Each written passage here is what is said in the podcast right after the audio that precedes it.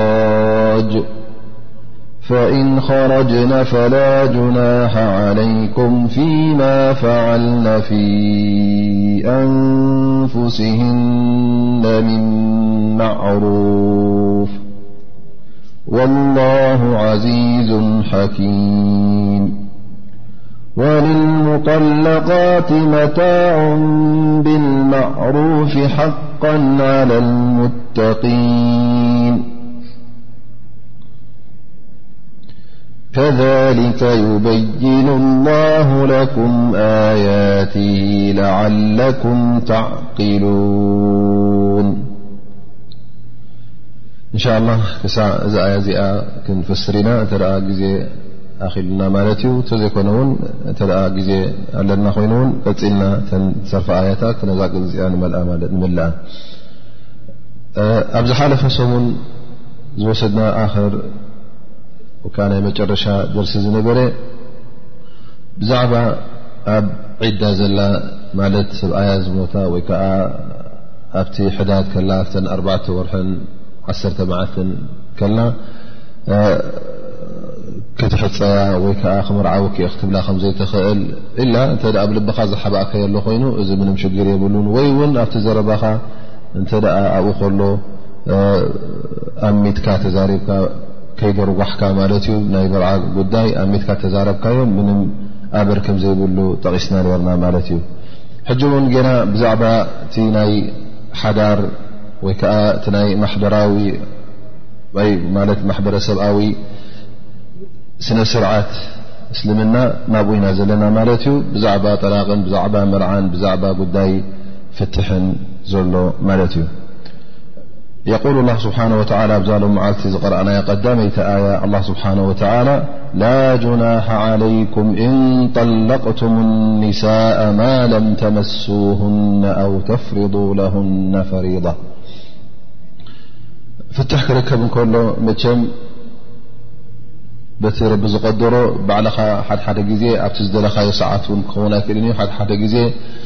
ድሕሪ ዓሰርተ ዓመት ዕስራ ዓመት ብሓደ ነርካ ብሓደ ተናቢርካ ክኸውን ይኽእል ዩ ሓደሓደ ግዜ ድማ ጌና ከይጀምርካዮ ከለኻ ብገለ ሽግር ብገለ ምኽንያት ኣብ ፍትሕ ክትበፅሕ ትኽእል ኢኻ ማለት እዩ እዛ ሎም መዓልቲ ዘቐረእናያ ቀዳመይቲ ኣያ ኣነቢ ኣላ ስብሓን ወተላ እንተ ደኣ እቲ ፍትሕ ጌና እዛ ሰብ እዚኣ ከይተራኸብካያ ከለኻ ጌና እውን እቲ መሃር ክንደይ ከም ምዃኑ ወይ ከዓ ክንደይ ክትህባ ከም ዝግብኣካ ወይ ከዓ ክንደይ መሃር ክሳዕ ምስ ስድራኣ ይኹን ምስኣ ይኹን ከይተሰማማዕኩም እንከለኹም ክንዲዚኡ ከይተባሃልኩም እንከለኹም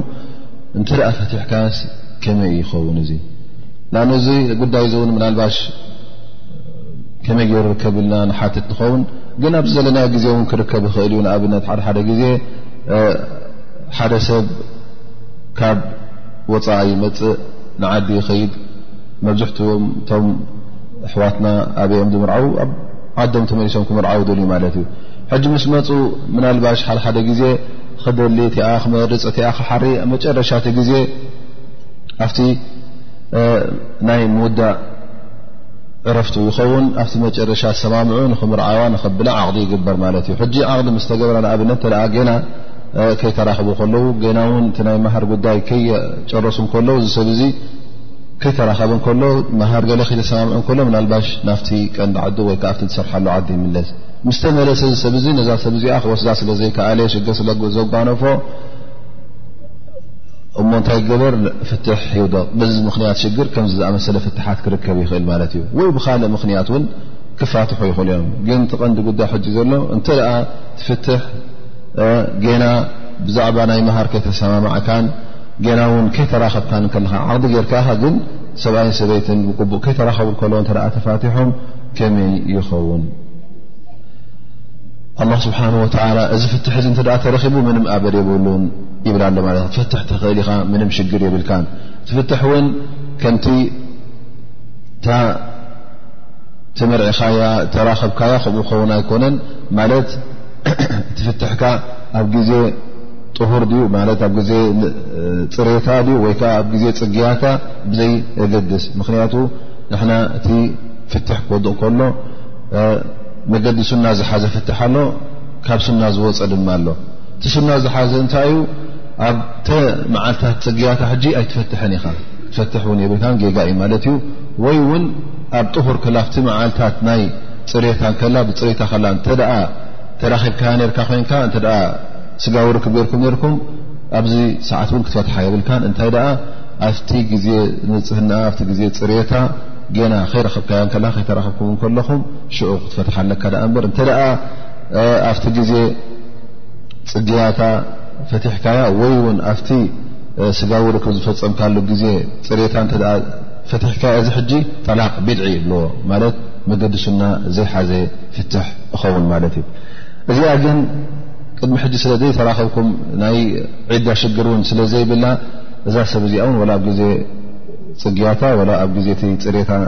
ኣብ ድላይካ እዋን ክትፈትሓ ትኽእል ማለት እዩ ምንም ኣበር የብልካን ላኪን ኣላ ስብሓን ወተላ የቁል ወመትዑሁን እዘን ከምዝኣመሰላ ደቂ ኣንስትዮ ሃንቀው ኢለን እሞ ኸዓ ክንዲ ሰብ ኣኺላ ንኽትምርዖ እሞ እዛ ሰብ እዚኣ ውን ዓቕዲ ተገይራ እሞ ተስፋ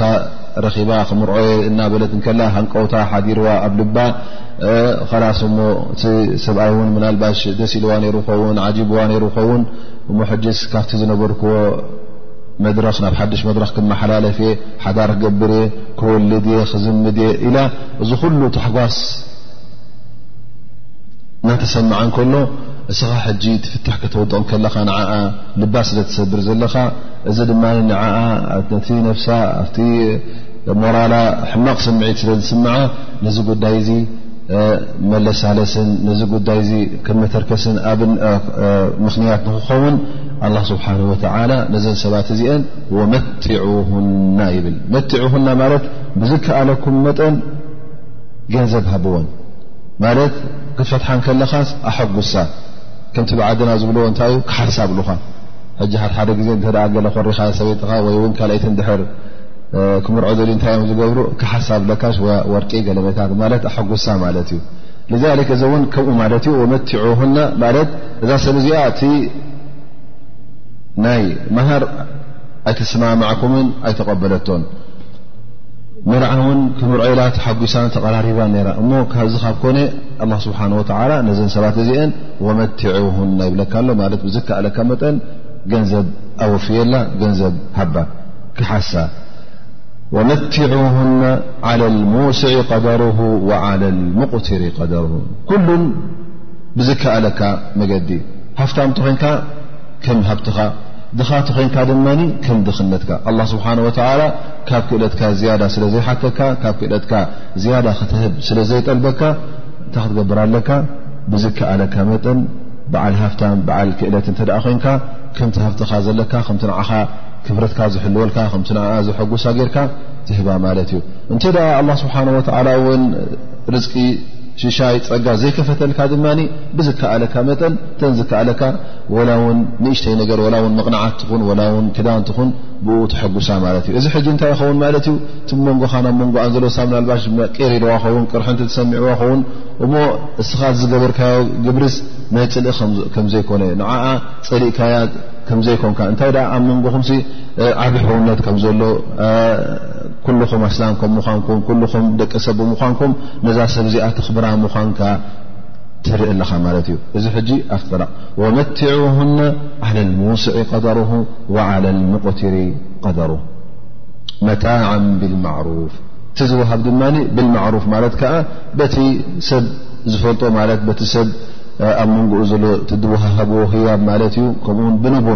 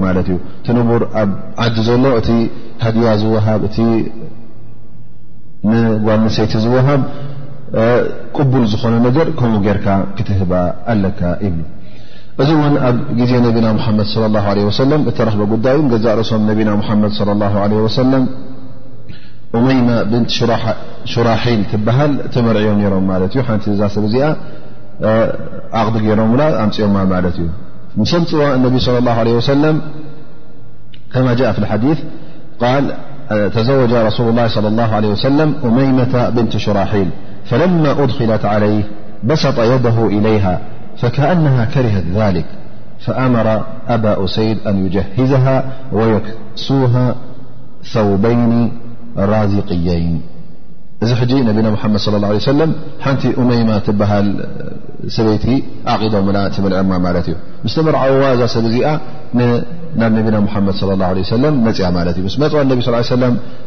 ኢዶም ሰይዶም ምዕክጓ ምስ ደለዩ ኣብያ ማለት እዩ ምናልባሽ እዛ ሰብ እዚኣ ሕጂ እቶም ስድራኣ ኣገዲዶማ ኮኑ ክትምርዖ ይደለየት ራ ትኸውን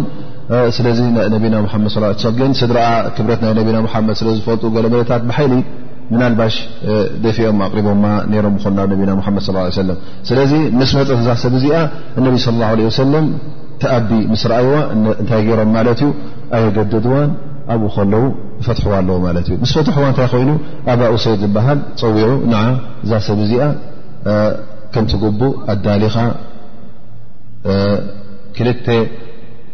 ክዳን ክደና የክስውሃ ሰውበየን ክልተ ዓይነት ክዳን ካብቲ ዓይነታት ክዳን ራዝቅየይን ዝበሃል ነይሩ ማለት እዩ ዓይነት ናይ ክዳን እዩ ክልተ ክዳን ከዲንካ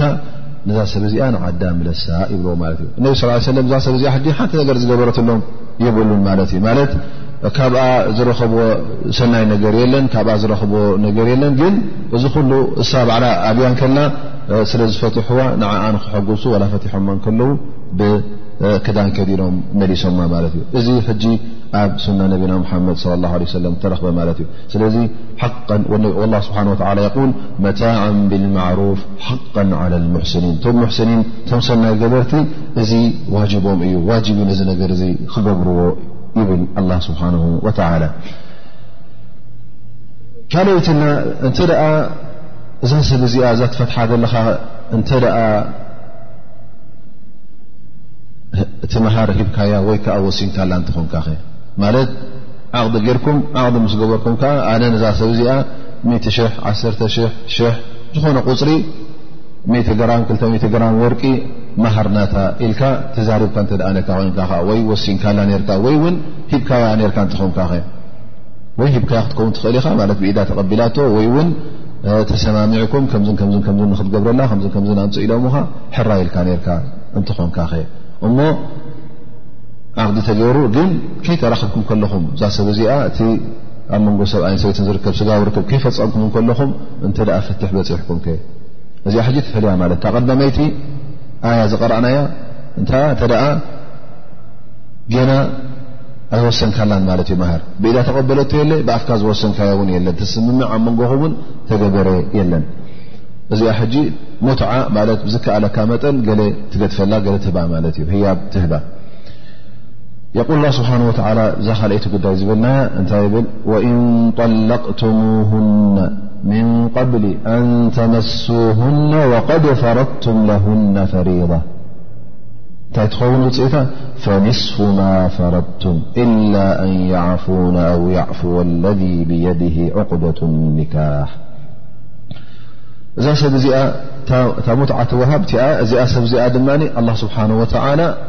ናታ ወሲኑላ ማለት እዩ እስኻ እቲ መሃር ናታ ካብ ወሰንካ ኣላ ስብሓን ወተላ እውን ናታ ወሲኑላ ማለት እዩ እዛ ሰብ እዚኣ እንተ ደኣ ፈትሕካያ ዓቕዲ ጌይርካ እሞ ከዓ ገና ከይተራኽብኩም ከለኹ ስጋውርኩም ከይፈፀምኩም ከለኹም እቲ መሃር ናታ ምስ ወሰንካላ ወይ ከዓ ኣብ ኢዳ ምስ በፅሐ እንተ ፈትሕካያ ኣላ ስብሓን ወተላ እዛ ሰብ እዚኣ ፍርቂ እቲ መሃር ይግብኣ እዩ ይብል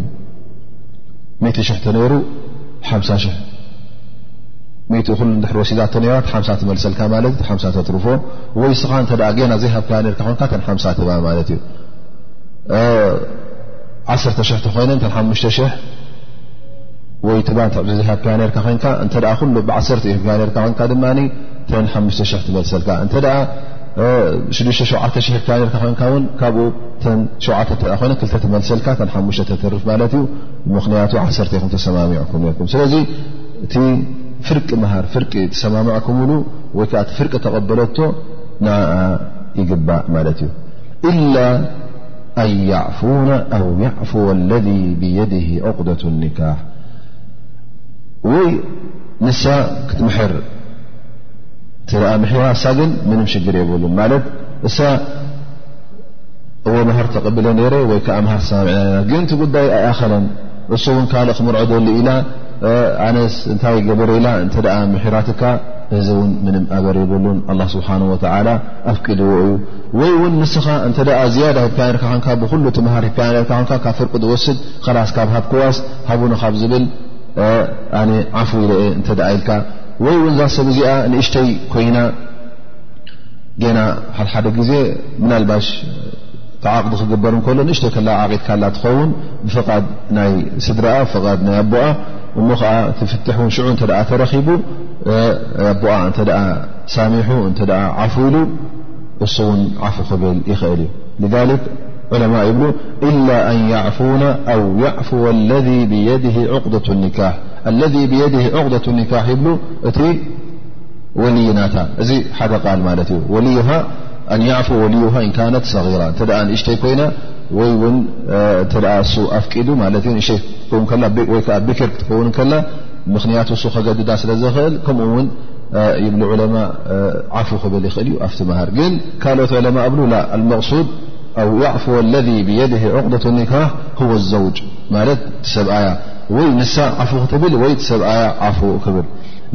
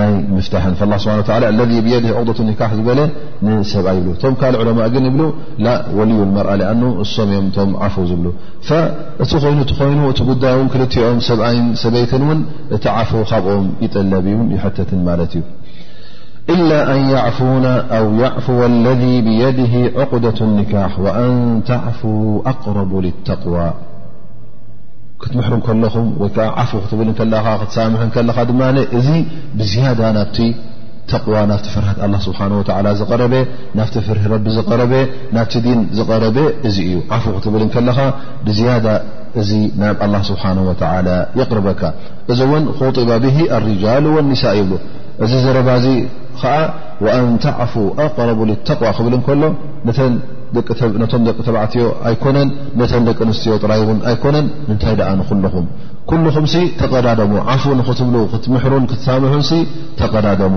ኣነስ እንታይ ኣለዎ እዚ ናይ ኣዱንያ ኢልካ ገንዘብ ንዓኣ ይኹና ደስ ይበላ ንዓኣ ክሒሰያ እየ ካብ ተፋታሕና እሳ ደስ ክብለልካ ትገድፈላ ስኣ ውን እዚ ሰብኣይ እዚ እንታይ ገበረ ኢላ ገዲፈሉ ምሒረዮ ኣለኹ ስለምንታይ ይኽስሮ ኢላ ክልትኹምሲ ክትቀዳደሙ ኣለኩም ሙዓመላ ክኸውን ከሎ ኣብ መንጎ ክልተ ሰብ ወይከዓ ወዲ ሰብ ምስ ዝኾነ ይኹን ሰብ ርክብ ክገብር እንከሎ እዚ ርክብ እዚ ወይ ከዓ ሓደ ዓይነት ግጭት ክርከብ እንከሎ ክልተ ደረጃ ኣሎ ማለት እዩ ናይ እዚ ርክብ እዚ ወይ ብፍትሒ ብዓድል ማለት እዩ ወይ ከዓ ብእሕሳን ወፈضል ማለት ከዓ ወይ እቲ ኣብ መንጎኻ ዘሎ ርክብ ምስ ደቂ ተባዕትዮ ኮይኑ ምስ ደቂ ኣንስትዮ ፍትሓዊ ርክብ ናትካ ትደሊ ዘይናትካ ኣይትደሊ ናትካ እውን ኣይትህብ እዚ ሕጂ እንታይ እዩ ተተዓመል ማዓሁም ብልዓድል ብፍትሒ ኢኻ ርክባትካ ትገብር ማለት እዩ ማለት ናትካ ይትህብ ዘይናትካ ይትደሊ ናትካ ትወስድ ኩሉ ግዜ ሃቡኒ ትብል ዘይናትካ ግን ኣይትሓልፎን እዚ ሕጂ ዓድል ማለት እዩ ብፍትሓዊ ማለት እዩ እዚ ድማ ጉቡእካ ክትወስድ ናካ እዩ ዘይጉቡእካ እውን ኣይትሓትትን ጉቡኦም እውን ተማልኣሎም ማለት እዩ ነቶም ካልኦት ወይ እቲ ካልኣይ ደረጃ ድማ ፈضል ወእሕሳን ይበሃል ማለት እዚ ኸኣ ብሰናይ ኣረኣእያ እናረኣኻ እንታይ ትገብር ማለት እዩ ወላ እውን ንዓኻ ዝግባእ እንከሎ ምሒርካ ኣነ ካብቲ ናተይ ትግቡእ ዝግባኣኒ ግቡእ ምሒረ እየ ሳሚሐልካ ክትገድፍ እንከለኻ ሸለል ክትብል እንከለኻ እዚ ኻልኣይ ደረጃ ይኸውን እቲ ዝበለፀ ደረጃ ድማ ኣይናይ ሕጂ እቲ ናይ ዓፉ ደረጃ ናይ ምሕረት እቲ ዝግብኣካ ገዲፍካ ሸለል ክትብል ከለኻ ኣነ እዝን እዝን ይግብኣኒ እዩ ግን እስኻ ሓወይ ስለ ዝኾንካ ኣነ ንዓኻ ስለ ዝፈት ኣብ መንጎና ዘሎ ሕውነት ንኸይጠፍእ ገንዘብ እንታይ ኣለዎ ኢልካ እቲ ናይ ኣዱንያ ጉዳይ ቀሊል ኮይኑ ስለ ዝረኣየካ ዓፉ ምሕርካ ሊላ ኢለ ምሕረካ ኣለኹ ክትብል እዚ ሕጂ እቲ ዝዓበየ ደረጃ ይኸውን እቲ ናይ ፍትሓዊ ደረጃ ተገበርካ እውን ምንም ኣበር የብልካን ግን ዓፉ እንተገበርካ ግን ብዝያዳ ኣጅሪ ትረክብ ክትምሕር ከለኻ ክትምሕፍ ከለኻ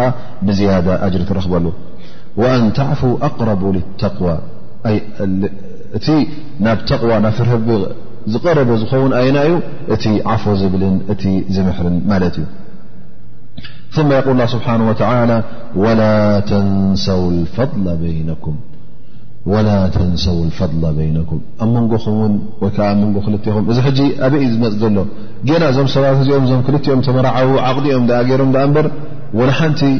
ኣብ መንጎኦም ርክብ ዝተኻየደ የለን ማለት ኣብ ሓንቲ ገዛ ኣብ ሓንቲ ቤት ብሓደ ኣይነበሩን ስጋዊ ርክብ ኣይፈፀሙን ዓመት ኣይኮነ ክልተ ዓመት ኣይኮነ ብሓደ ኣይነበሩን ማለት እዩ ኣይተራኸቡን ከም ብግቡእ እቲ ምዉቕ ሓዳር ከይገበሩ ከለዉ ተፈላለዮም ኣለዉ እዚ ኩሉ ፍልሊ ተረኺቡ ከሎ ኣላ ስብሓን ወተዓላ እንታይ ኢሉ የዘኻኽረና ወላ ተንሰው ልፈضላ በይነኩም ኣብ መንጎኹም ዘሎ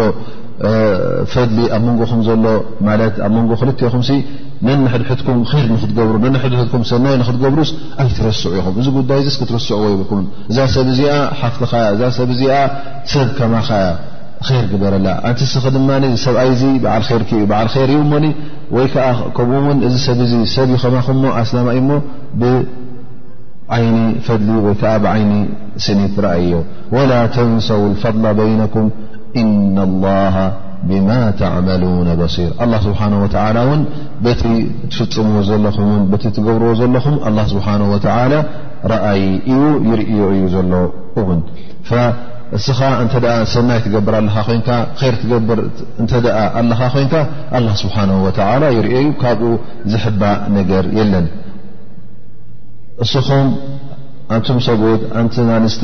እዚ ፍትሕ እዚ ተረኺቡ እዚ ሽግር እዚ ተረኺቡ ኣላ ስብሓን ወተዓላ ይርእኩም ኣሎ ተጠንቀቑ እቲ ንያኹም እቲ ዘረባኹም እቲ እትገብርዎ ዘለኹም ግብሪ እንታይ ክኸውን ኣለዎ ኩሉ ኼር ዘለዎ ኣላ ስብሓን ወተዓላ ዝፈትዎ ነዛ ሰብ እዚኣ ንኸይትጎድኣ እስኺ ውን ነዚ ሰብኣይ እዚ ከይትጎድእዮ ክትጥንቀቒ ኣለኪ ላ ስብሓን ወተዓላ ኩሉ ትገብርዎ ዘለኹም እነ ላሃ ብማ ተዕመሉና በሲር ዝሕብኦ የብሉን ኣላ ስብሓን ወተላ ይርእካ እዩ ዘሎ ንዓኽ ውን ይርእኪ ኣሎ ብዝሕሪ እዚ ኣላ ስብሓን ወተላ ብዛዕባ ጉዳይ ናይ ስነ ስርዓት ማሕበራዊ ስርዓት ወይ ከዓ ኣብ መንጎ ማሕበረሰብ ዘለዎ ስርዓት ናይ መርዓን ናይ ደርዓን ናይ ፍትሕን ክጠቅስ ፀኒሑ ኣበይ የእተወና ማለት እዩ ኣብ ሰላት የእትወና ማለት እዩ ዑለማእ ድማ እዚኣ ሕጂ ስለምንታይ ኣእትዋ ኣሎ ኢሎም ይዛረቡ ኣላ ስብሓን ወተዓላ ኣብቲ ናይ ምርዓን ናይ ፍትሕን ኣብዚ ጉዳይ እዚ ክትፀኒሕካ ኣላ ስብሓን ወተዓላ ምስታ ሰላት ክኣሳስረካ ከሎ እንታይ ይገብር ኣሎ ማለት እዩ ኣላ ስብሓን ወተዓላ ገና ኣብቲ ዕባዳ ኢኻ ዘለካ እዩ ዝብለካ ዘሎ እዚ ጉዳይት እዚ ዝጠቐስኩልካ እዚ ናይ ፍትሒ ይኹን ናይ መርዓ ይኹን እዚ ኣገባብ ናይ ሕዳግ ወይ ከዓ ናይ ሓዘን ወይ ከምኡ ውን ናይ ዒዳ እዚ ኩሉ ክትቅር ፀኒሑ ሰላት ክትኣቱ ከላ ሕጂ ኩሉ ዒባዳ እዩ ማለት እዩ እቲ ዒባዳ ዩ ነሩ እዚ እውን ባዳ እታ ሰላት በይና ዕባዳ ንኸይትመስለካ እታ ሰላት ንበይና ኣምልኾት ከይትመስለካ እቲ ኩሉ ትእዛዛት ኣላ ስብሓን ወተላ ዝኣዝዘካ ብናይ መርዓን ናይ ፍትሕን ናይ ኩሉን ብኡ ቀጥ ኢልካ ክትከይድ ከለኻ ዕባደት ላ ስብሓን ወተላ ኣምልኾት ኢኻ ትፍፅም ዘለኻ ማለት እዩ ስለዚ ካብቲ ናይ ዒባዳ ሃዋሁ ካብቲ ናይ ኣምልኾት ሃዋሁ ኣይወፃኻን ኣለኻ ሓደ ካብቲ ዒባዳ እዚ ክኾን ከሎ ልክ ከምታ ንሰላት ትግደሰላ ነቲ ካልእ ትእዛዛት እውን ክትግደሰሉ ኣለካ ኩሉ እውን ካብ ኣላ ስብሓን ወተዓላ ዝወርድ ትእዛዝ እታ ሰላት ጥራይ ኣይኮነትን ኣላ ስብሓን ወተዓላ ኣዚዝዋ እወ ሰላት ኣዚዝዋ ቀዳምነት ገይሩላ ካልእ እውን ኣላ ስብሓን ወተዓላ ትእዛዛት ኣዚዙ እኳ እዩ ኩሉ እውን ካብ ሓደ ኣላ ስብሓን ወተዓላ ስለ ዝኾነ ካብቲ ኣምልኾት ዝግብኦ ኣላ ስብሓን ወተዓላ ስለ ዝኾነ እቲ ነቲ ትእዛዝ እቲ ቀጥ ኣቢልካ ክትሕዞ ከለኻ ውን ንኣላ ስብሓን ወላ ተምልኽን ትእዘዝን ስለ ዘለኻ ኣብ ሰላት ይኹን ኣብ ፍትሕ ይኹን ኣብ መርዓ ይኹን ኣብ ዝኾነ ይኹን ኮታ ምንቅስቃሳትካ ብ ኩሉ ነጥፍታትካ ትእዛዛት ኣላ ስብሓን ወላ ሓሊኻ ክትከይድ ከለኻ ኣብ ናይ ዒባዳ መዳይ ኢኻ ዘለኻ ኣብ ናይ ኣምልኾት መዳይ ኢኻ ዘለኻ እሞኒ እዛ ሰላት እዚኣ ውን ምስቲ ካልእ ጉዳያት ተኣሳሰረት እያ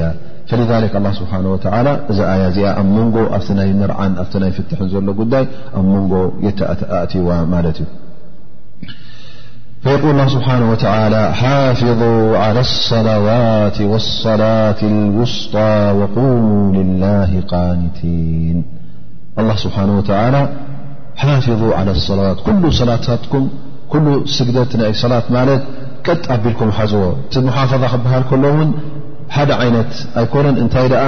ኣብቲ ወቕታ ኣብቲ ግዜኣ ክትሰግዳ ሙሓፈዛ ክትገብር ኣለካ ክትሕሉ ኣለካ ሰዓታታ ክትሕልወላ ኣለካ እቲ ናታ ቅድመ ኩነት ከተማልኣላ ኣለካ ማለት ኣብ ጠሃራ ብጠሃራ ክትሰግድ ኣለካ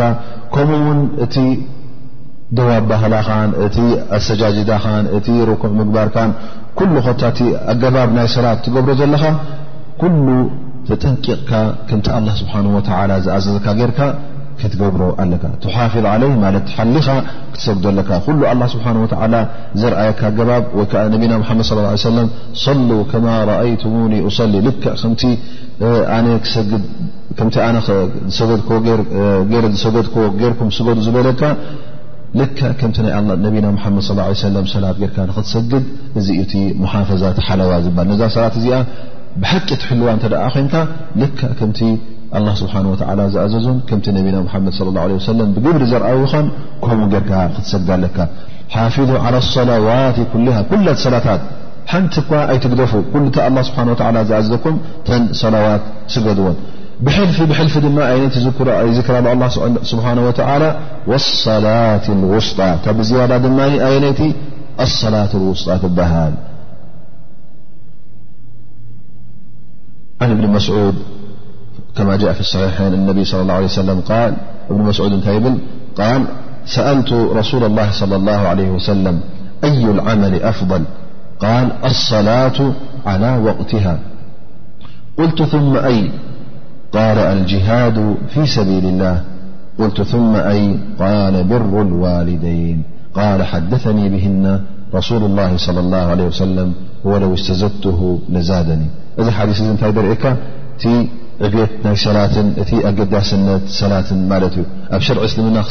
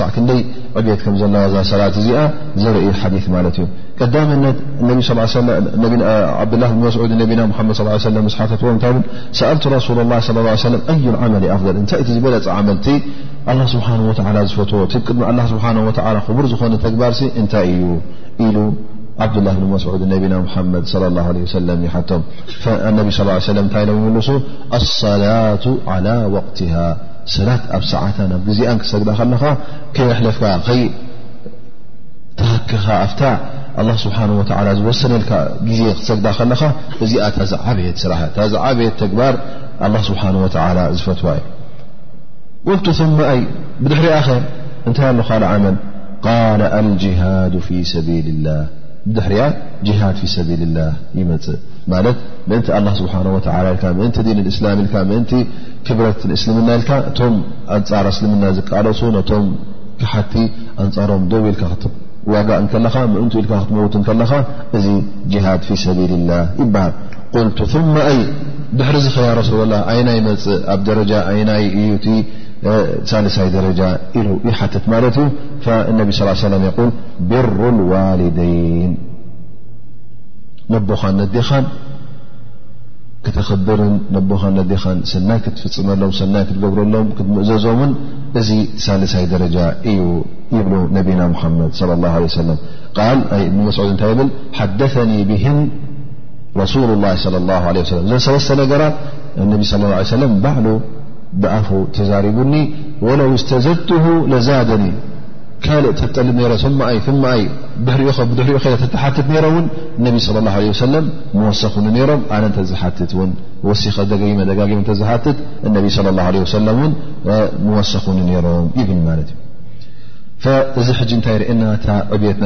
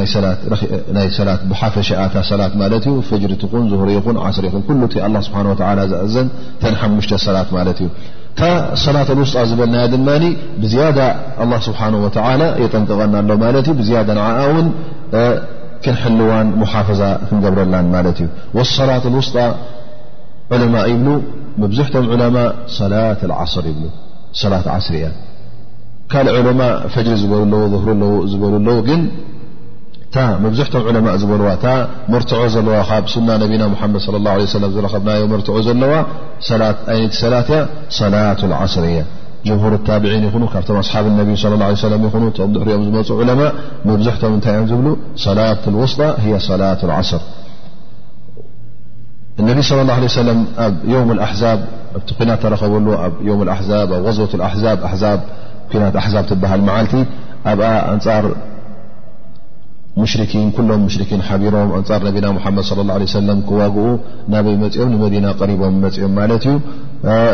ከምኡ ውን ኣይሁዳውያን ተወሲኾሞም እቲ ጉዳይ ፀንኪሩን ብርቲዑን ስለ ዝነበረ ብጣዕሚ ሸጊሮም ስለ ዝነበረ ነቢና ሓመድ ለ ላ ሰለም ሓንቲ መዓልቲ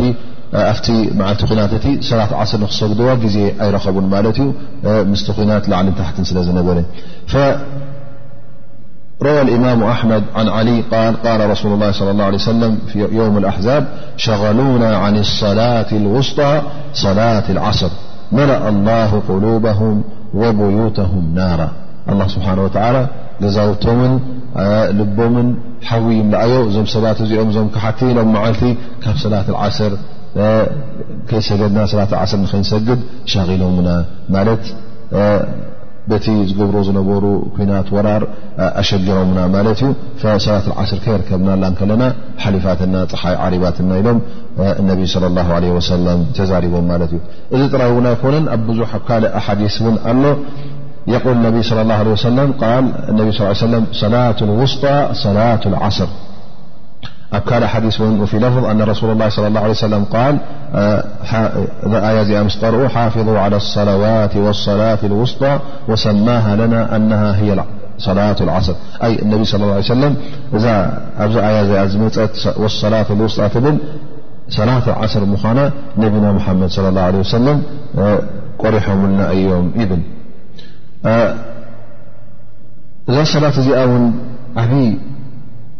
أجسن س النبي صلى الله عليه وسلم لة العصر أجسن غ عن بن مر كما جاء في الصحي عن بن عمر رض الله عنه أن رسول الله صلى الله عليه وسلم ال من فاتته صلاة العصر فكأنما وتر أهله وماله أقر ا س ዓዲ ናብ ዓዲ ስራሕ ክቕይር ስድርኡ ሒዙ ንኣብነት ንበል ሓደ ሰብ ኣብዚ ዓዲ እተ ሰርሕ ነይሩ እሞ ከዓ እቶም ስራሑ ላስ ስሓብ ዘርሒ ሕጂ ንካልእ ዓዲ ወይ ንጅዳ ዝኣመሰለ ንከምዝኣመሰለ ክንሰደካ ኢና ይበልዎ እሞ ስለዚ ተዳልኻ ኩሉ ኣቑሑትካን ንብረትካን ኣኪብካ ንጅዳ ኪድ ድብልዎ ንኣብነት ንበል እዚ ሰብ እዚ ኣኪቡ ኣቑሑትን ዘሎ ገንዘቡን ንብረቱን ዘሎ ናይ ገዝኡ ኣይገደፈ ኩሉ ይገደፈ ኣካኪቡ ገንዘቡ ብዚ ዓዲ ዘሎ ኩሉ ተለቀሐ ዝነበረ መሊሱ ማኪንኡ ዘሎ ኩሉ ዘሎ ኣኻኺቡ ናበይ ኸይድ ማለት እዩ ንገፁ ንጅዳ ኸይድ እሱን ስድርኡን ደቁን ኩሎም ዝፈትዎም ውላዱ ማለት እዩ ኣብ መንገዲ እናኸደ ከሎ ድንገት ተረኺቡ ብድንገት እዛ ማኪና እዚኣ ተገንፂላ ነሊዳ ንበል ደቁን ኩሉ ንብረቱን ኩሉ ገንዘቡን እንተነደደ እዚ ሰብ እዚ ክሳዕ ክንደይ መዓት ወሪድዎ በሃል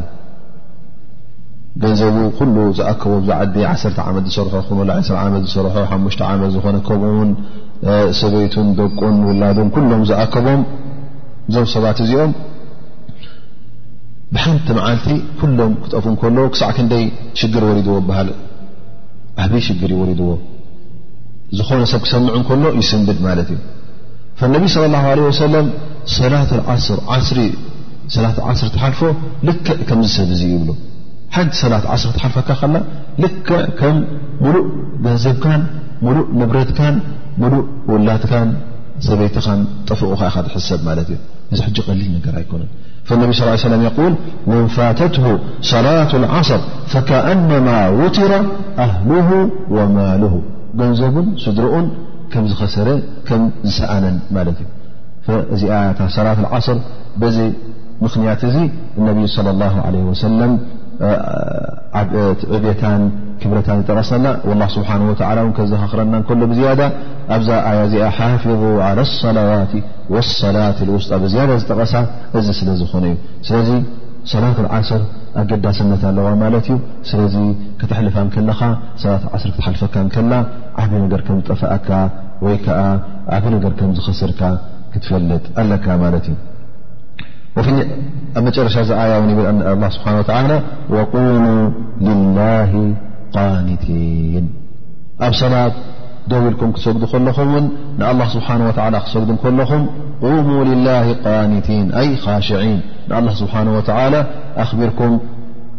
ርእስኹም ኣድኒንኩም ብትሕትና ናብ ኣላ ስብሓን ወተዓላ ቅረቡ ካልእ ነገር ትሓስብዎን ካልእ ነገር ልብኹምን ሓንጎልኩምን ናብኡ ኣይኺድ እንታይ ደኣ ናብ ኣብ ቅድሚ ኣላ ስብሓን ወተላ ደው ኢልኩም ስለ ዘለኹም ንኣላ ስብሓን ወተላ ኣኽቢርኩም ብትሕትና ቅረብዎ መጀመርያ ኣብቲ መጀመርያ ስምና እቲ መጀመርያ ክሰግዱ ከለዉ እንተ ገለ ነገር ኣድልዎም ኮይኑ እንታይ እዮም ዝገብሩ ነይሮም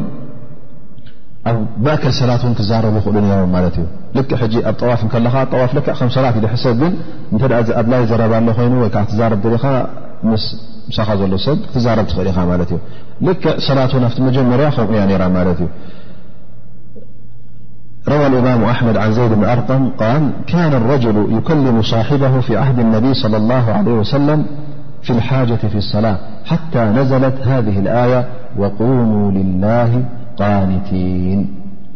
ፈኡሚርና ብስኩት ፈኡሚርና ብስኩት መጀመርያ ክቲ መጀመርያ ኣስልምና ኣብ መንጎ ሰባት እተ እናሰገድካ ከለኻ እንተ ምዛ ትውታሽሙ ዘሎ ማለት እናሰገደ ከሎ ወይ ቀረበለ ክትብሎ ትኽእል እንጥሸቶ ኢሉ ኣልሓምዱላ ን የርሓሙ ከላ ትብሎ ሰላሙ ዓለይኩም ትብሎ ይምልሰልካ ዓለይኩም ሰላም ይብለካ ከምዚ ነይሩ ማለት እዩ ከምኡውን ሓደ ግዜ ነቢና ምሓመድ ስ ሰለም ዓብዱላህ ብን መስዑድ መፅኡ ሒነ ሰእ እት ኢሉ ገና ከይፈለጠ ከሎ እቲ ትእዛዝ ኣላ ስብሓን ወተላ ወቁሙ ልላ ቃኒቲን ከም ዘውረደ ከይፈለጠ ኮይኑ ናብ ነቢና ሙሓመድ ለ ላ ለ ሰለም ቀሪቡ ሰላሙ ዓለይኩም ይብል ማለት እዩ ፈነቢ ስ ሰለም ኣይመለሰሉን ምስ ጨረሰ ሰላት ነቢ ስ ሰለም እንታይ ይብሎ እነ ፊ ሰላት ለሽغላ ኣብ ሰላት ሰላት ትሰግድ ኣለካ ኮይንካ ልብኻ ኩሉ ምስ ሰላት ስለ ዝኾነ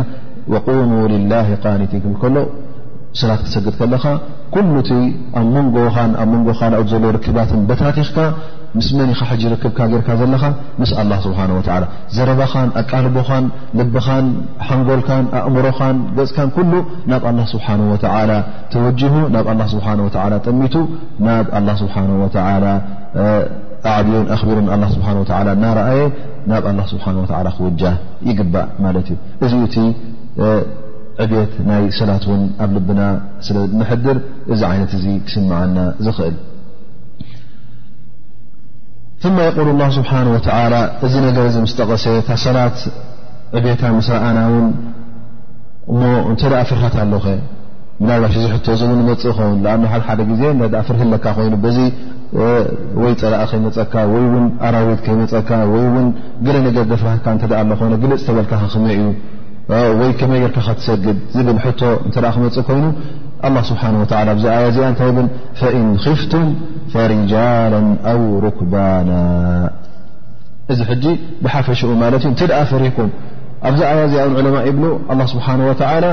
ፍርሃት ካብ ምንታይ ከም ምዃኑ ይጠቐሰን ዝኾነ ይኹን ነገር እንተ ፍርህካ ኣራዊት ይኹን ፀላእ ይኹን ወላ ውን ማይ ወቒዑ መን እዩ ካብ ውሕጅ ፈሪህካ እተ ኣብ ሮባ ኣለኻ ኮንካ እዚ ከም ዝኣመሰለ ዝኾነ ይኹን ንህወትካ ትፈርሃላ ኩነታት እተ ተረኺቡ ኣብዚ ሰዓታት እዚ ፈኢን ክፍቱም ፈሪጃላ ኣው ሩክባና ወይ ተደሊኹም ፈሪጃላ ማለት ብእግርኹም እግርካ ምድሪ ደው ኣቢልካ ማለት እዩ ደው ኢልካ ክትሰግድ ኣው ሩክባና ወይ እውን ተወጢሕካ ማለት እዩ ሩክባና ማለት ተወጢሕካ ምስ ክትሰግድ ማለት እዩ ፈረስ ተወጣሕ ወላ በቕሊ ተወጣሕ ወላ ውን ኣየር ተወጣሕ ወላ ውን መኪና ተወጣሕ ማለት እዩ ላ ስብሓን ወተላ እዚ የፍቅደልካ ማለት እዩ እዚ እውን እንታይ ይርእካ ፈሰሉ ዓላ ኣይ ሓልን ካን ኢድብለካ ዘሎ ማለት እዩ ኣብ ዝኾነ ይኹን ኩነታት ክኸውን ከሎ ስገዱ ደው ኢልካ ብእግርኻ ወላ ውን ትሰቕልካ ወላ ውን ገፅካ ንቂብላ ይኹን ወላ ውን ንቂብላ ኣይኹን ስገድ ኢሉ ኣላ ስብሓን ወተላ ይሕብረካ ኣሎ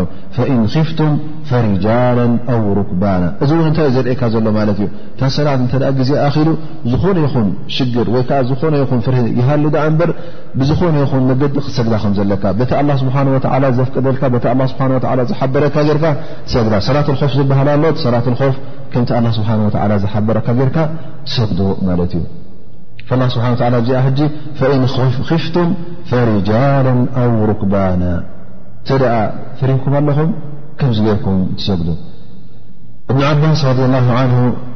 فيما رواه مسلم تايبل وأبو داود والنسائي يقول قال فرض الله الصلاة على لسان نبيكم صلى الله عليه وسلم في الحضر أربعة وفي السفر ركعتين وفي الخوف ركعة ክ ሰ ዚ ብ ه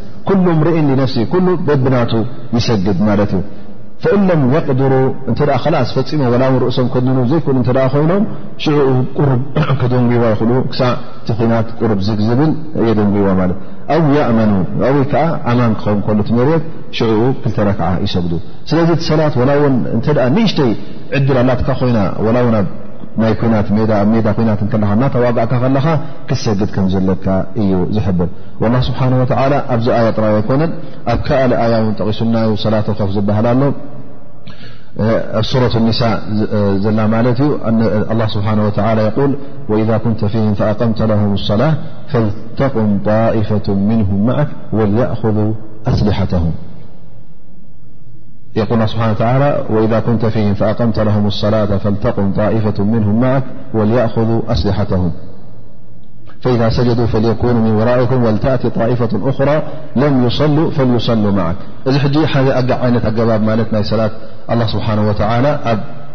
ዓውዲ ኩናት ከለኻ እትሰግደሉ ኣገባብ ኣርእዩና ማለት እዩ እሱ ድማ እንተ ነቢ ስለ ላ ሰለም ወይ ከዓ እቲ መራሒ ኢማም ኮይኑ ከስግዶም ኮይኑ ኣብ ክልተ ይምቀሉ ማለት እዩ ቀዳማይ መስርዕን ካልኣይ መስርዕን ይኾኑ ማለት እዩ እቲ ኢማም ሕጂ ነታ ቀዳመይቲ መስርዕ መጀመርያ ሓንቲ ረክዓ የስግዳ ሓንቲ ረክዓ ምስ ኣስገዳ እዛ ካልኣይቲ መስርዕ ዘላ ደው ኢላ ምስኦም ሰላት ትጅምር ተክቢረት ሕራም ትገብር ማት ዩ እቲ ቀደም ኣብቲ ግዜ ነቢና ፈልጥ ደው ኢልካ ክትፀንሕ ርካ ግን ኣብዚ ግዜና ሕጂ ተ ደው ኢልካ ኮንካ ክቕልቡካ እዮም በዚ ናይ ሕጂ ምክን እዚኣ ኣገባብ እዚኣ ትጠቅም እንትኸውን ግን እቲ ኣገባብ ኣብቲ ግዜ ነቢና ሓመድ ስ ሰለም ዝጠቅም ዝነበረ እዚ ሓደ ኣገባብ ማለት እዩ ስለዚ ሰላት ልኮፍ ብዙሕ ዓይነታት እዩ ዘለዋ ግን ሓደ ካብቲ ዓይነታታ እዛ ኣብ ሱረት ኒሳእ ተጠቕሰት ማለት እዩ እቶም ቀዳሞት መስርዕ ሕጂ እቶም ካልኦት መስርዕትን ብሓንሳእ ተክቢረት ሕራም ይገብሩ ተክቢእ ምስ ገበሩ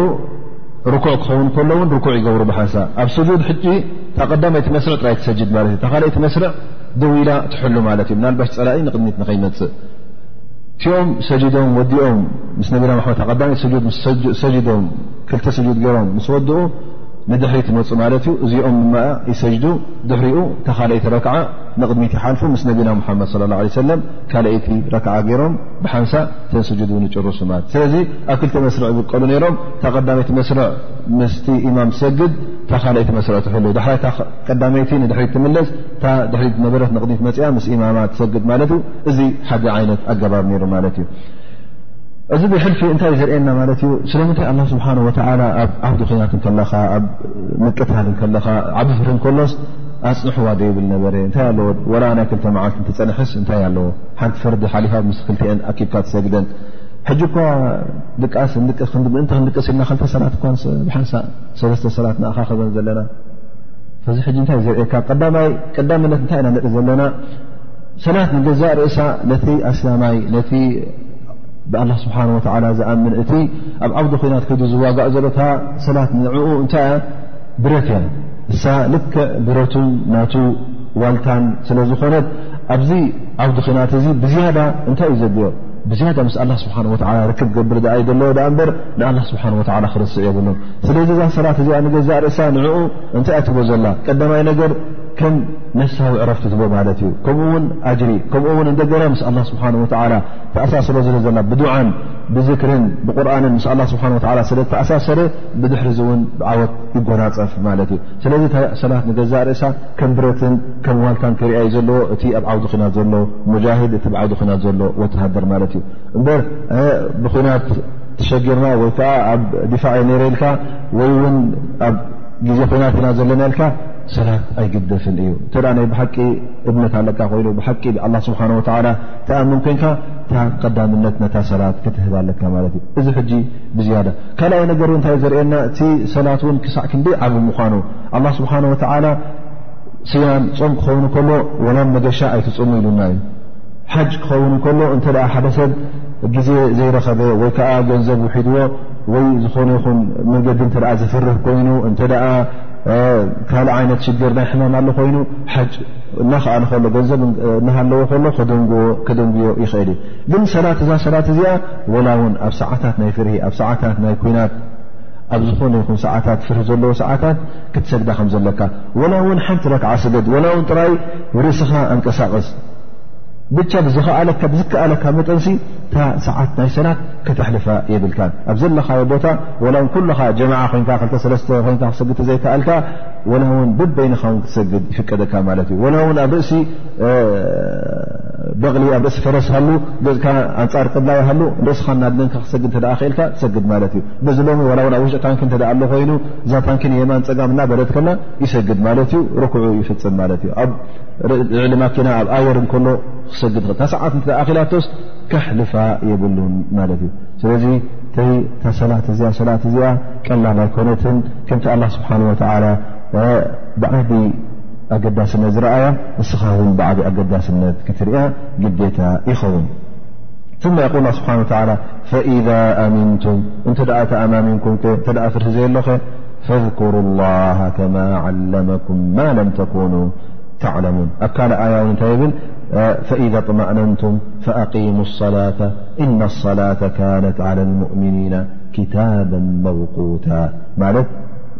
ሰዓታን ግዜያታን ፍልጥቲ ዝኾነት እያ።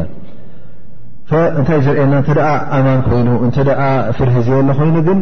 ልክዕ ከምቲ ኣላ ስብሓን ወላ ዝመሃረካን ከምቲ ኣላ ስብሓ ላ ዘርኣየካን ዝሓበረካን ከምቲ ነቢና ሓመድ ለ ለ ሰለም ዝሓበረካ ጌርካ እታ ፈርድኻ እታ ሰዓታታ ሓሊኻን እቲ ኣገባባታ ሓሊኻ ንቅብላ ገፅካ ጌርካ ኣብ ኩናት ወላ ውን ንቅብላ ይኹን ትስገድ ኢልናካ ነርና ግን ሕጂ እተ ኣማን ኮይኑ ፍርሂ ዘየለ ኮይኑ ገፅካ ንቅብላ ጌርካ ኩሉ እቲ ርኩዓ ይኹን ስጁዳ ይኹን ኣተሳሰኣ ምቋም ይኹን ኩሉ መሊእካ ምስ ክሹዕ ኣቢርካ ክትሰግድ ኣለካ ላ ስብሓን ወላ ከማ ዓለመኩም ማ ለም ተኩኑ ተዕለሙን ላ ስብሓን ወላ እንታይ ዘዘኻኽሮም ዘሎ ንዓና ይኹን ነቶም ኣስሓብ ነቢ ለ ላ ለ ወሰለም በቲ ዘውረደሎም ፀጋን ሽሻይን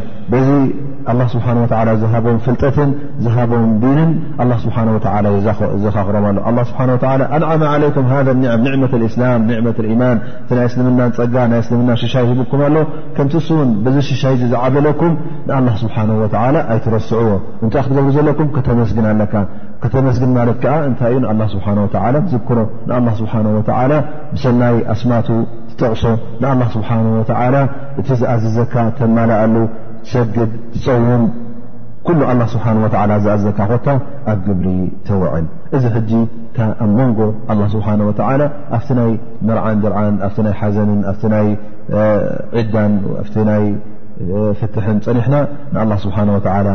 ኣብዛ ጉዳይ እዚኣ ኣትና ኣብቲ ጉዳይ ናይ ሰላት ዕብት ናይ ሰላትን እቲ ትእዛዘት ኣላ ስብሓን ወተዓላ ብሓደ ዓይኒ ንክትሪኦን እቲ ናይ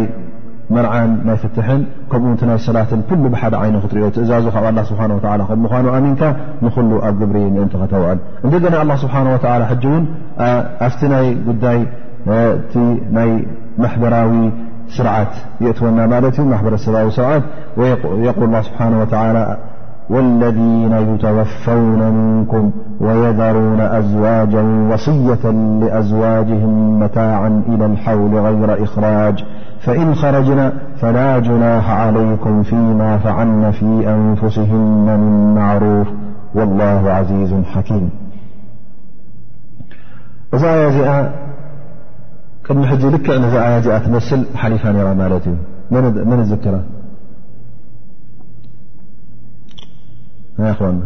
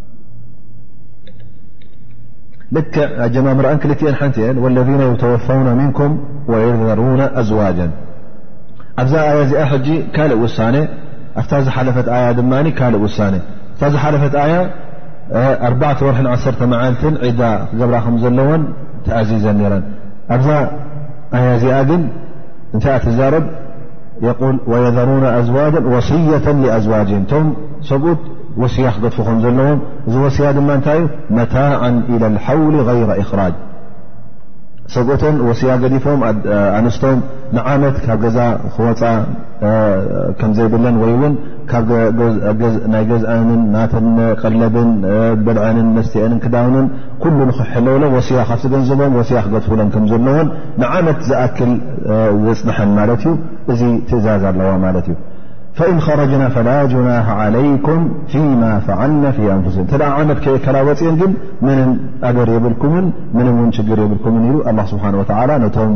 ብድሕሪ እቲ ምዉት ዝፀንሑ ኣዝማዱን ኣውልያኡን ማለት እዮም ወላሁ ዓዚዙን ሓኪም ግን እዛ ኣያ እዚኣ ዑለማ እብሉ እዛ ኣያ እዚኣ ገና እታ ዝሓለፈት ኣያ ከይወረደት ከላ ቅድም ዝግበር ዝነበረ እያ ይብሉ ማለት ገና ኣላ ስብሓን ወተዓላ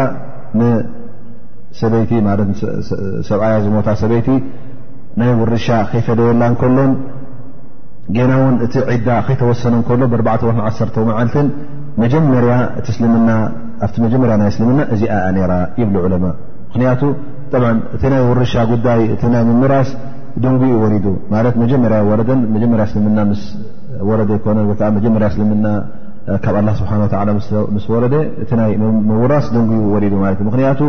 እቲ እስልምና ክኣትው ከለዉ እቶም ኣስሓብ ነቢ ስ ሰለም በብ ሓደ እዮም ዝኣትዉ ነይሮም ክኣትው ከለዉ እውን ኩሎም ኣይኮነን ዝኾነት ስድራ ብምሉኣ ትኣት ነበረትን ሓንቲ ስድራ ንገዛ ርእሳ ኣብ ክልተብ ሰለስተ ትምቀል ነራ ማለት እዩ ገሊኦም ኣብ መካ ገሊኦም ኣብ መዲና ገሊኦም ኣብ መስሊሞም ገሊኦም ምስቶም ሙሽርኪን ገሊኦም ሂጅራ ንሓበሻ ዝገበሩ ነሮም ስለዚ ንገዛእቲ ስድራታት ናይ ኣስላም ውን ፋሕብትን ዝበለ ኩሎም ሓንቲ ዲና ይሓዙ ነሮም ግን በብቕርብ በብቕርብ እስልምና ኣብ ዓረብ እናዓበለ ኮይኑ እቶም ሙሽርኪን ኩሎም እናስለሙ ስለምስከዱ እቲ ናይ ምምራስ ኮይኑ ማለት እዩ ስለዚ ኣላ ስብሓን ወተላ እቲ ናይ ሚራስ ምስ ተጠቐሰ እዛ ኣያ እዚኣ በታ ናይ ሚራስን በታ ዝሓለፈት ኣያ ኣባ ወር ዓሰተ መዓልትን ዝበርናያ ተሰሪዛ ማለት እያ ይብሉ ዑለማ ስለዚ እቲ ናይ ዓመት ዝበሃል ነበረ ዓመት ኣብ ገዛ ኣብቲ ናይ ሰብኣያ ገዛ ክትፀንሕ እሞ ከዓ ንዓመት እውን ቀለባን ክዳናን ኩሉ ዘድልያ ነገር ክማልኣላ ዝበሃል ዝነበረ እዚ ሕጂ በቲ ናይ ውርሻ ተሪፉ ቅድም ውርሻ ስለ ዘይነበራ ዓመት ቅልብን ዓመት ኮፍ ክትብልን ይፍቀዳ ነይሩ ማለት እዩ እዚ እውን ትእዛዝ ነይሩ ማለት እዩ ግን ውርሻኣ ምስ ወሰደት ተና ኣርባዕተ ወ ዓሰርተ መዓልትን ዒዳ ጥራይ ንክትገብር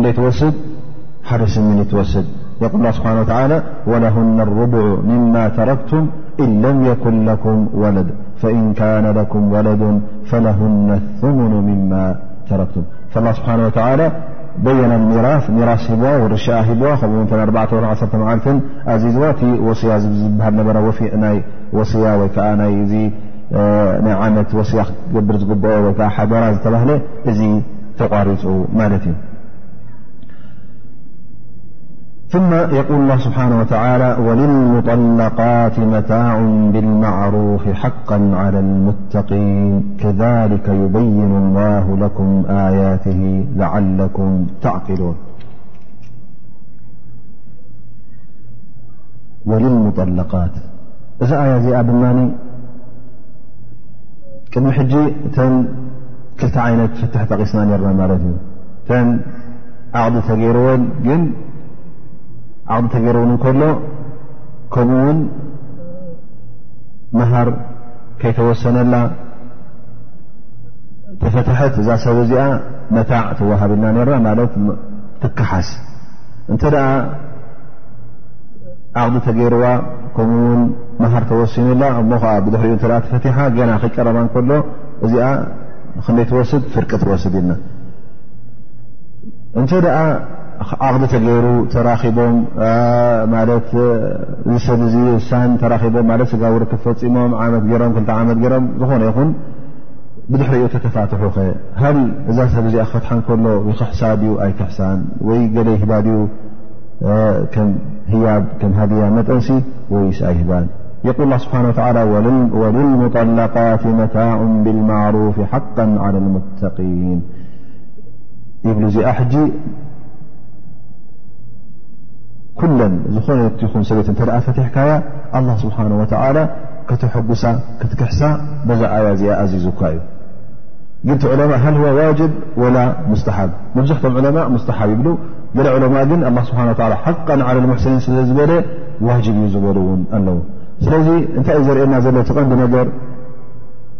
ሰብኣይን ሰበይትን እንተ ደኣ ተፋቲሕካ ውን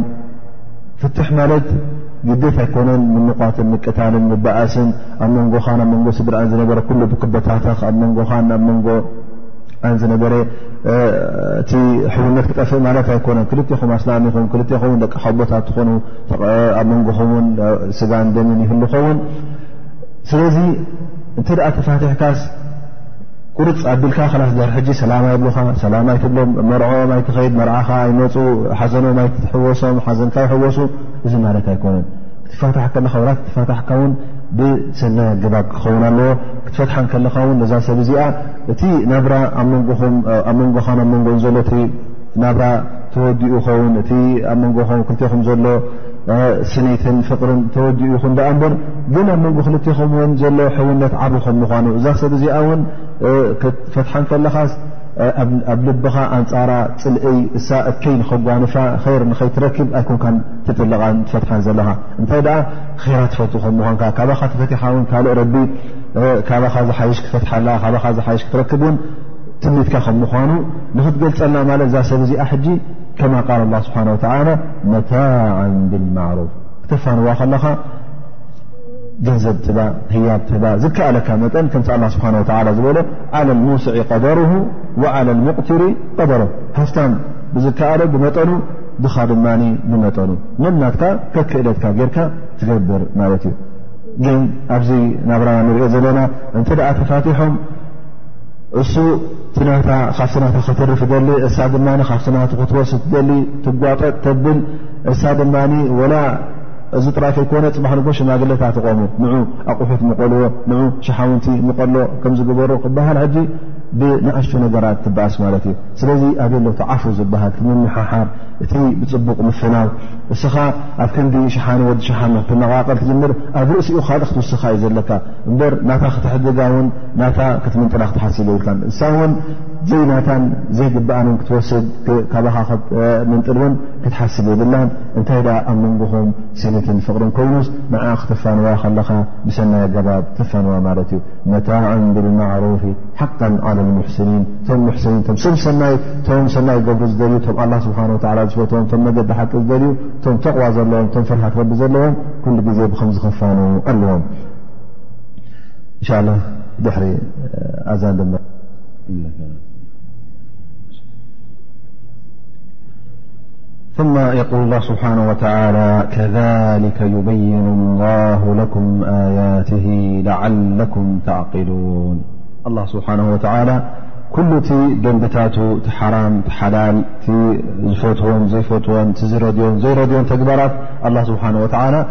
ከምዚ ገይሩ እዩ ዘብረሀልኩምን ከምዚ ገይሩ እዩ ዘሰንትነልኩምን ላ ስብሓን ወተላ እንታይ ሩእንታይ ክትገብሩ ከም ዘለኩም እንታይ ኸቲ ዘይትገብሩ ክትገብርዎ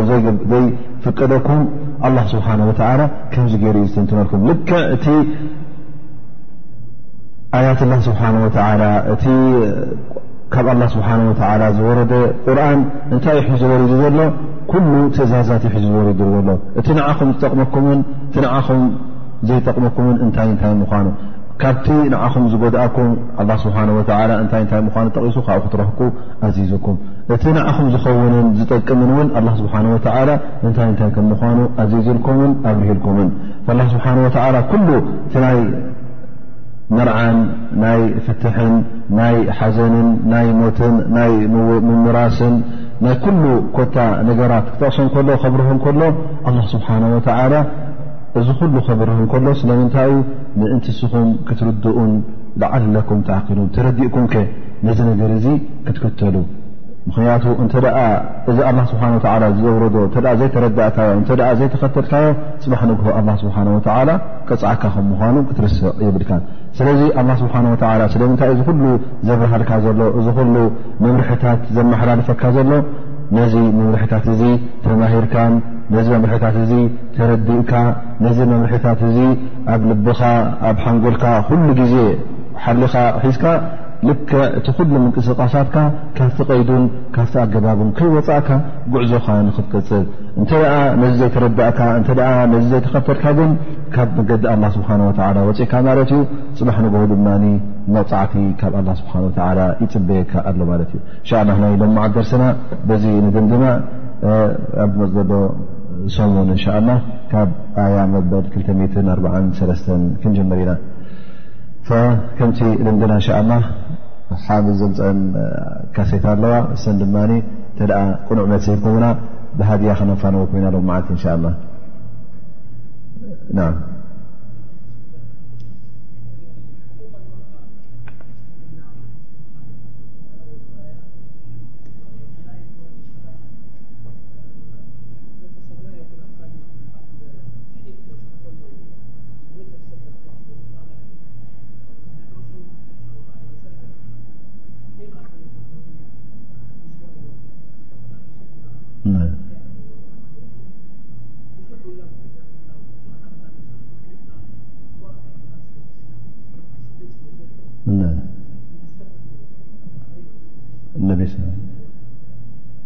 ባረከ ላ ፊክ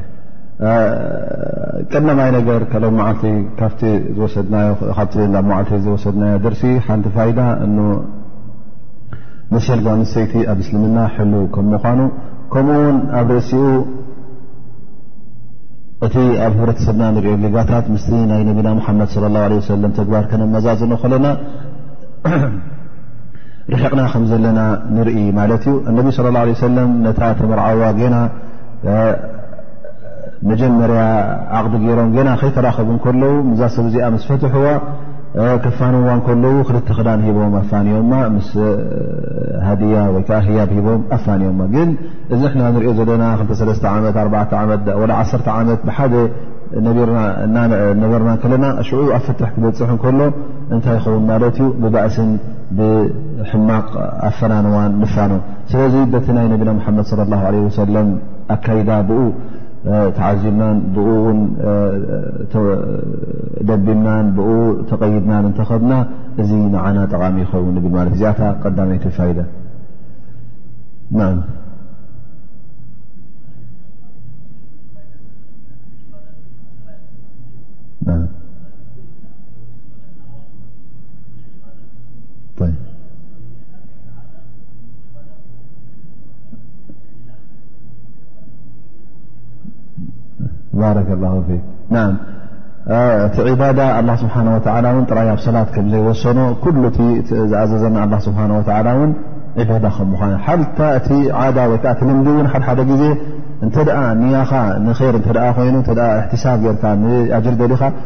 ወላ እቲ ትበልዖ ዘለኻ እንጀራን ትሰትዮ ዘለኻ ማይን እውን ዒባዳ ክኸውን ይኽእል እዩ ምክንያቱ እንተ ትበልዖን ትሰትዮን እዚ ጅሃድ ይኹን ወይ ውን ንሰላተይ ወይ ውን ነቶም ደቂ ንኸዕቢልካ ትገብሮ እዚ ነገር እ ንር ንሰናይ ነይትካ እተ ነታ ነፍስኻ ኣትርር ብልዒ ወይከዓ ንዓ ዝጠቅም መስተ ሰትኻ እሞ ኸዓ እዚ ትበልዖን ትሰትዮን ዝሕግዘካ ኮይኑ ናብ ጅሃድ ናብ ሰላት ናብ ኩሉ ትእዛዛት ኣላ ስብሓን ወላ ንምቋም ዝሕግዘካ እተ ኮይኑ እዚ ዝበላዕካ ንሰብ ተኻይን እውን ንገዛእ ርእሱ ዒባዳ ወይ ከዓ ኣምልኾት እዩ ዝቁፀር ማለት እዩ ይብ ሕቶ ዒደት ሙጠላቃ ዋንሰይቲ እተ ተፈትሓ ክንደይ ትፀንሕ ማ ዒዳ ናታ ክንዲ ምንታይ እዩ ማሻ ላ ማሻ ላ ኩሎም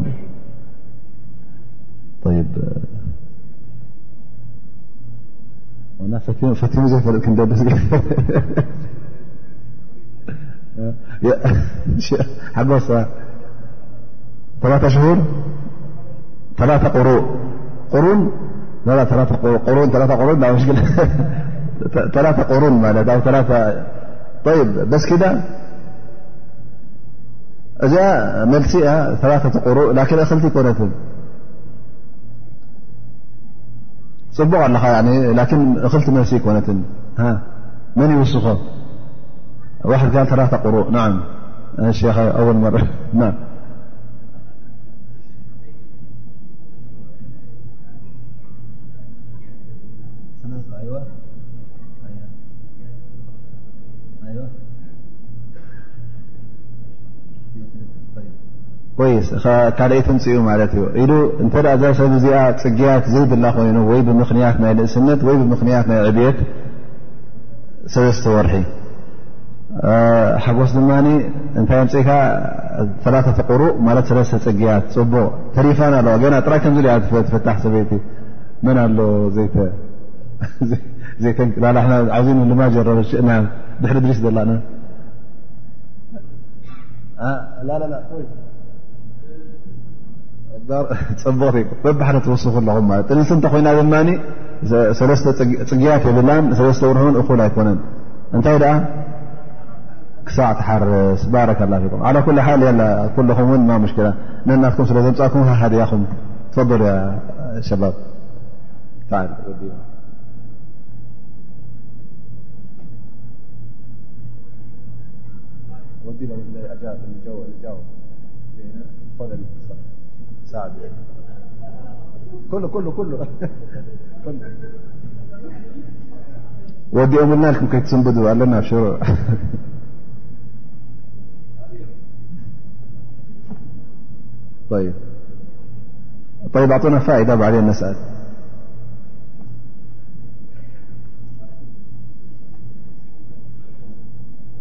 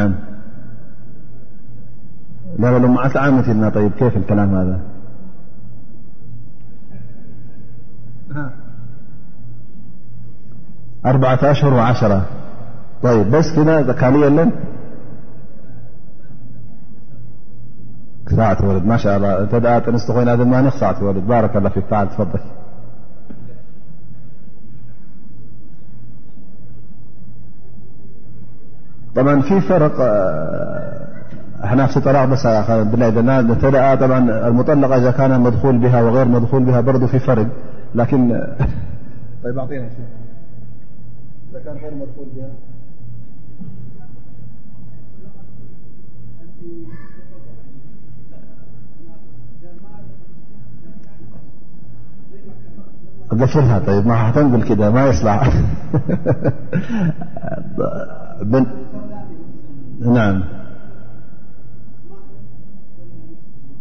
فرض لها المهر يش معنى فرض لها ما معنى فرض لها المهر تحديد كأنت الأهبو واد م اثنينإما التحديد وإما الإعطاء نعم هذا لها أيش يب وإذا طلقها ولم يمسها ولم يفرض لها يعطيها متاع ما معنى المتاع ذك له هياب على الموسع قدره وعلى المغتر قدره تفضل يا شيخ يالآن نمشي أهل اليمين نعم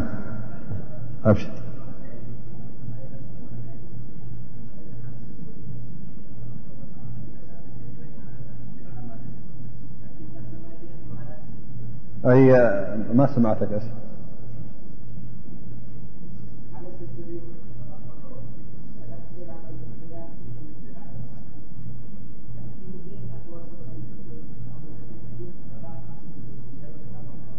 ባረከ ላ ፊክ ና እንተ ጌና ዘይቀረባ ኮይኑ እዚ ሰብ እዚ ክፈትሓ ከሎ ጠላቕ ብድዒ ዝበሃል የለን ማለት እዩ ማለት ኣብ ግዜ ፅግያት ወላውን ተፈታሓ ምንም ሽግር የብላን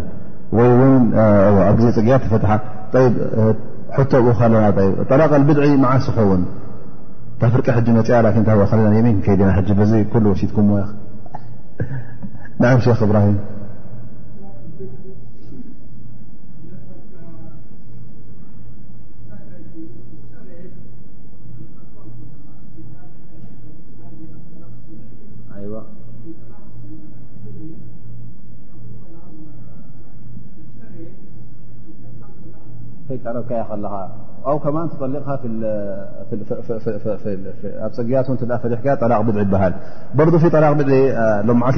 لكن إذا طلقها دفعة واحدة بالثلاث هذا يضا يسمىا هذا ليس طلاقا سنيا إنما هو طلاقا بدعيا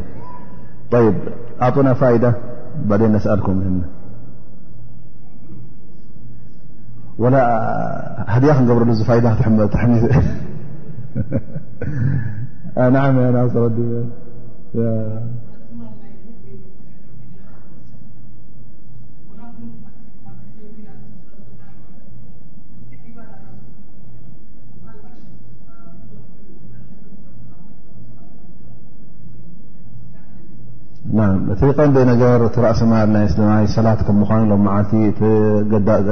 ዓብ ኣገዳስነት ከም ዘለዋ ጠቂስና ነርና ማለት እዩ ወላ ውን ሽዑኡ ኣብቲ ግዜ ኩናት ተሞትካ ውን እቲ ፈርድካ ከቲትካ ኣብ ምስ ኣላ ስብሓ ወ ርክብካ ከይቋረፀ ከሎ ትመውት ኣለካ ማለት እዩ ስለዚ እዚ እንታይ ዝርእየና ኣገዳስነት ናይ ስላ ይ እንታይ ኢና ወሲድና መዓልቲ ካልእ ከ ሓተኩም ወላ ዝሓለፈ ን ሓተኩም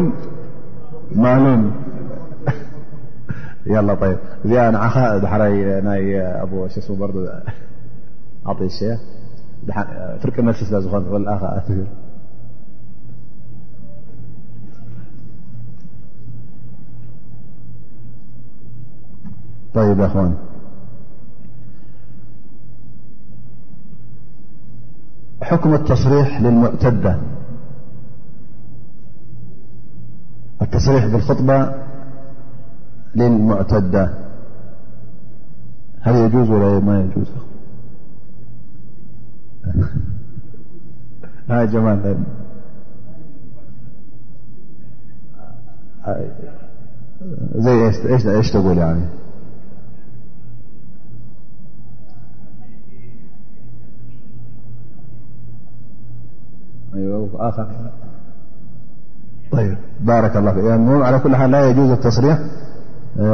بالنسبة للمعتدة أن يصرح لها بالخطبة أو بالزواج فل ولكن يجوز التكنية أو يقولمثل لذلك يقول إذا أنهيت عدتك فعالميني أو أخبريني أو كذا هذا ممكن أن يقول لكن لا يجوز أن يصرح بالخطبة نعم يب اللهم صل على محمدطيب